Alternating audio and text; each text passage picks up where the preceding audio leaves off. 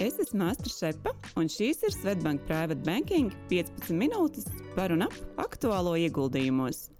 Katru piekdienu kopā ar kolēģiem apspriedīsim karstākos jaunumus finanšu tirgos un labklājības veidošanas tēmās. Lai aizraujoši klausīšanās!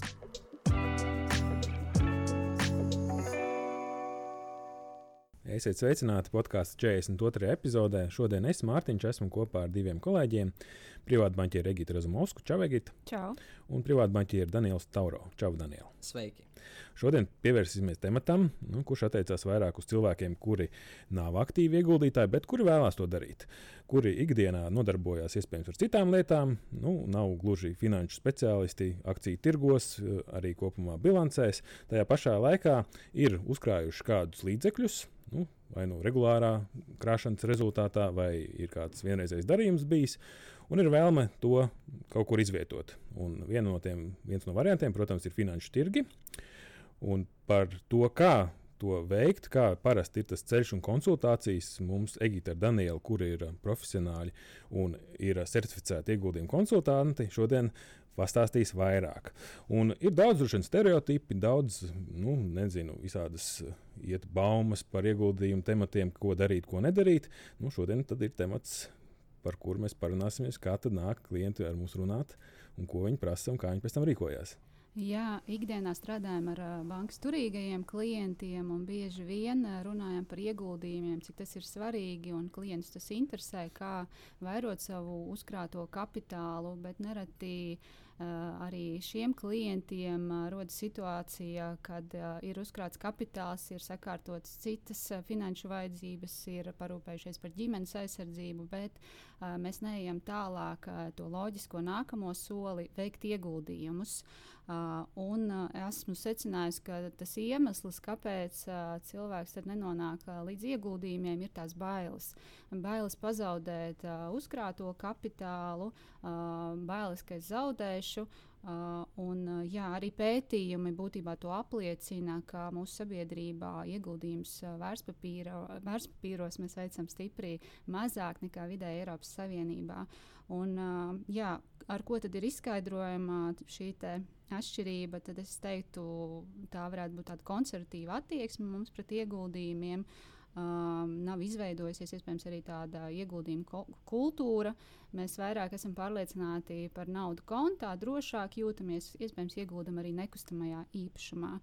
Uh, kā pārvarēt tās bailes? Uh, bailes uh, mums ir dažādās uh, dzīves situācijās, un kā tikt ar viņām galā, vienkārši rīkoties, ieguldīt uh, un veidot to savu pieredzi, iespējams, ar uh, jau tādiem gataviem bankas risinājumiem sākt. Uh, Uh, nu, te jāpiemina arī, ka bailes droši vien vienmēr ir arī tādā kontekstā, kad liekas, ka visas, viss tas ieguldījums ir pakļauts riskam, bet nu, diversificēts portfels dažādos pa pasaules reģioniem un akcijām un arī varbūt pat ieguldījumu veidiem noteikti jau samazina to iespēju, un tām bailēm varbūt ir, nav jābūt tik lielām.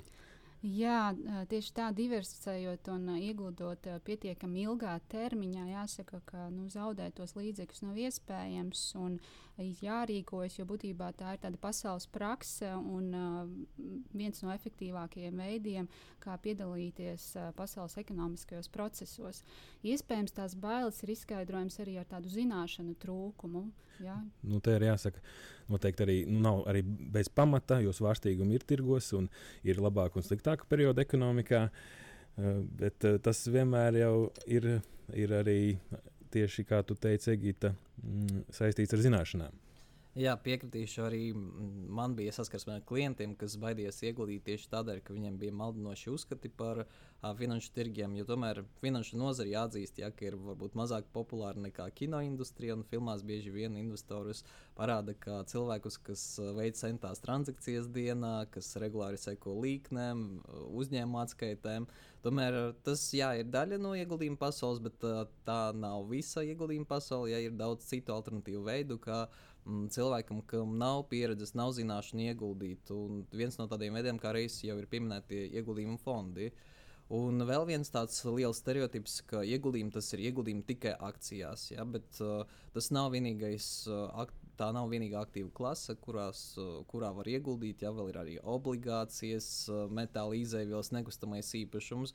Un, protams, atkal jārunā par diversifikāciju. Tad ideālā variantā ir, kad visi šie aktīvi jums ir portfelī, un jums kā privātpersonai grūti ir tos visus apvienot. Un vēlāk uzturēt. Jā. Līdz ar to atkal ir tie fondi, ja, kur fondu pārvaldniekiem visus šos aktīvus saliek kopā, ja, nepieciešamās proporcijās, ja, lai to risku ba nu, uzturētu balansā. Un jums, kā investoram, nav jāiesprings par to. Ja? Jūs vienkārši investējat jau gatavā risinājumā. Nu, var secināt, tas, ka jau, jau, jau šāda problēma ar to, ka grūti orientēties daudzos dažādos pakalpojumos, ir bijusi gadiem. Un tad uh, organizācijas ir jau veidojušas un izveidojušas gatavus nu, ieguldījumu veidus, kur par to ir parūpējies jau brokers vai banka. Bet uh, lēmumu pieņemšana vien, viennozīmīgi ir viens no tādiem smagākajiem nu, procesiem. Kas tad ir tas, kas varbūt, kad es saku, jā, es to gribu darīt, tas ir grūti, bet noteikti viens no svarīgākajiem soļiem ieguldot. Jā, tieši tā. No pieredzes var teikt, ka tas ir tāds izšķirošais mirklis, un bieži vien tas lēmums tā arī netiek pieņemts. Jā, cilvēks saprot, ka līdzekļi ir uzkrāti ilgstoši tā kontā, un neizbēgami inflācijas ietekmē tās vērtībā sarūk, bet nav gatavs spērt to soli, un ir grūti pieņemt lēmumu, jo šķiet, ka nav īstais brīdis.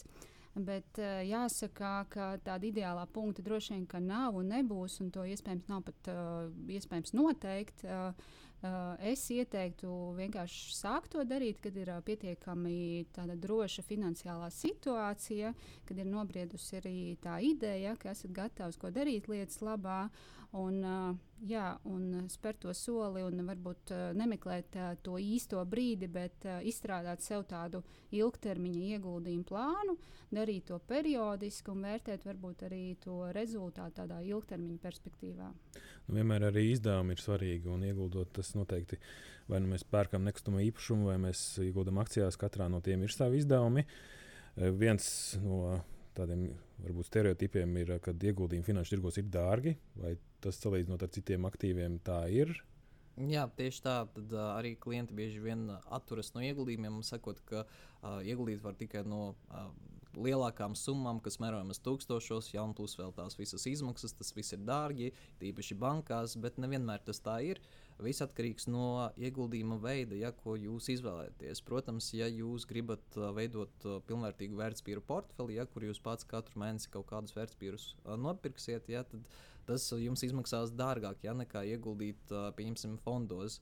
Un kā piemēram, varu minēt mūsu tieši piedāvātos Svetbanka roburu fondus, kur jums investējot, nevajadzētu maksāt nec par iegādi, nec par pārdošanu, nec par turēšanu. Nu, Vienīgās izmaksas, ar kurām vajadzētu rēķināties, tas ir fonda pārvaldīšanas komisijas nu, pārvaldniekam par to, ka viņš jūsu vietā saliek to vērtspapīru grozu.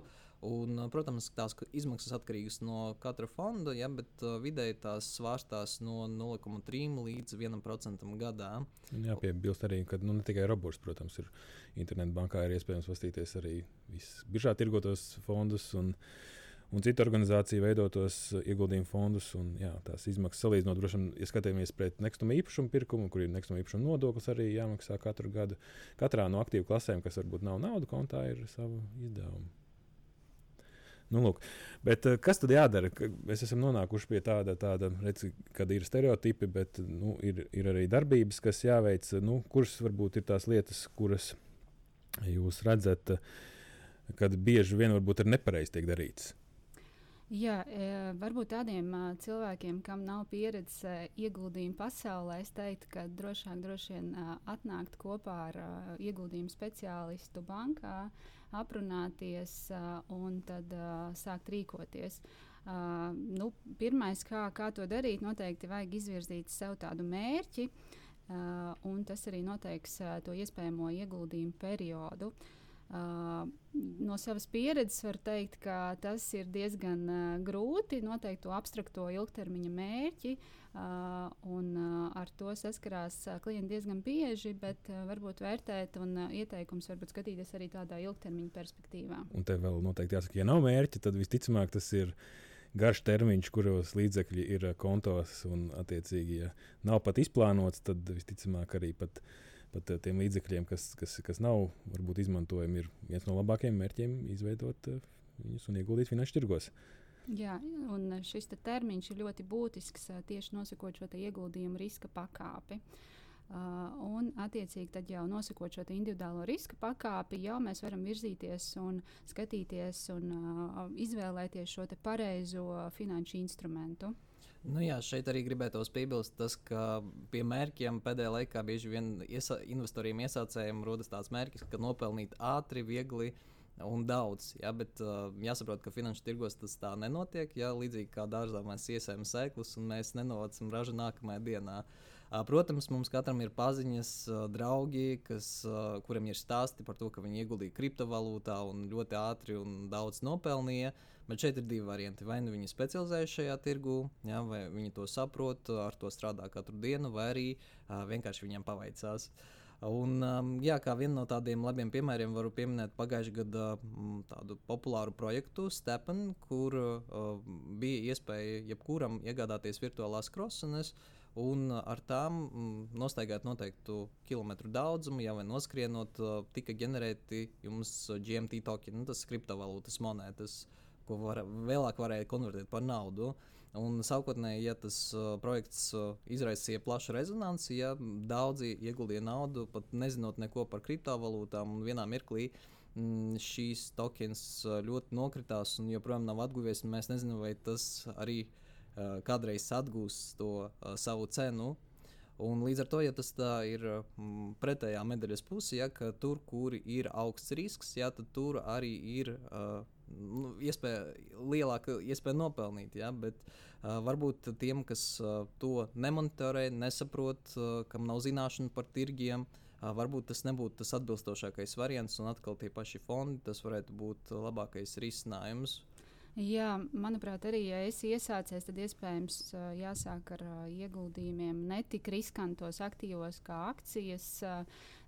Te varētu būt piemērotāks varbūt obligācijas, ja fiksētā ienākuma vērtspapīra ieguldījuma fondi, kur jau būtībā tiek izveidots ļoti diversificēts vērtspapīra portfelis. Uh, un skatīties varbūt šajā virzienā. Nu, tas ir arī klientu vidū ļoti izplatīts uh, ieguldījumu risinājums. Šis ieguldījumu fonds uh, var uh, koncentrēties uz kādu konkrētu aktīvu, pieņemsim, akcijas, uh, obligācijas, iespējams, arī nekustamais īpašums, izēvielas, valūtas. Nu, tā ir tā iespēja ātri, pietiekami vienkārši izveidot šo diversificēto vērtspapīru portfeli. Uh, Uh, jā, iespējams, akcijām pretīm ieguldījumu fondiem šī peļņa iespējams uh, varētu būt uh, lielāka, bet savukārt fondi, uh, nu, ņemot vērā to diversifikāciju starp uh, dažādiem uh, uzņēmumiem, uh, uh, šīs svārstības būs mazākas. Šogad jau tieši mēs arī spilgti to redzam. Un iepriekšējais gads arī Nu, jā, tad ciparos, ja mēs tā nedaudz apskatāmies tos lielākos varbūt, uzņēmumus, ja, kā viņi performē no gada sākuma, ja pieņemsim Tesla izauga plus 106%, Meta plus 52%, Netflix plus 66% un tajā pašā mirklī. Fonds, eh, tas ir precīzāk indeks, ja, kuru bieži vien izmanto ieguldījumu fondi MSCI World, kas eh, iegulda attīstīto valstu tirgos. Tad viņš pieauga tikai plus 8%. Eh, plus 8% deva. Uh, Savukārt, ja mēs skatāmies uz uh, pagājušo gadu, ja tas bija negatīvs gads finanšu tirgiem, tad uh, uh šīs indeksa zaudēja mm, līdz 20%. Savukārt uh, šie iepriekš minētie uzņēmumi zaudēja daudz vairāk, vairāk par 60% no savas akciju cenas. Un, nu, noslēdzot šo epizodi, mēs varētu apkopot, kas tad ir svarīgās lietas, ieguldot, ko mēs esam jau izrunājuši šajā, šajā epizodē. Noteikti papildiniet mani, ja kaut ko es varbūt nepieminējuši, bet nu, viena no tādām lietām, kas ir jāsaka, kad ir, lai veiktu ieguldījumus, ir jāapzinās, kas tiek darīts, kad uh, tiek izvēlēts finanšu aktīvs, kas ir mazāk vai vairāk svārstīgs. Ja tas nav piemērots, tad, protams, ir jāizvēlās tas pats depozīts. Uh, Otrs, otra lieta ir noteikti, ja tas nav darīts līdz šim, un varbūt nav tik interesējis, tad jāsāk ar mazāk svārstīgiem ieguldījumiem, kā jau pieminējām, tie paši fondi, kas ir daudz dažādu akciju vai obligāciju apvienojums.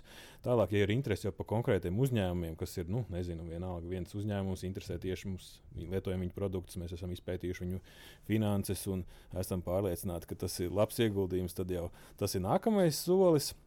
Nu, diversifikācija vienmēr ir bijusi lieta, kas ir mazinājusi riskus un svārstīgumu ieguldījumos. Un viens no tādiem kritiskākiem punktiem ir izdarīt lēmumu, veikt ieguldījumu, jo pašā pamatā jau ieguldījumi ir diezgan līdzīgi savā būtībā.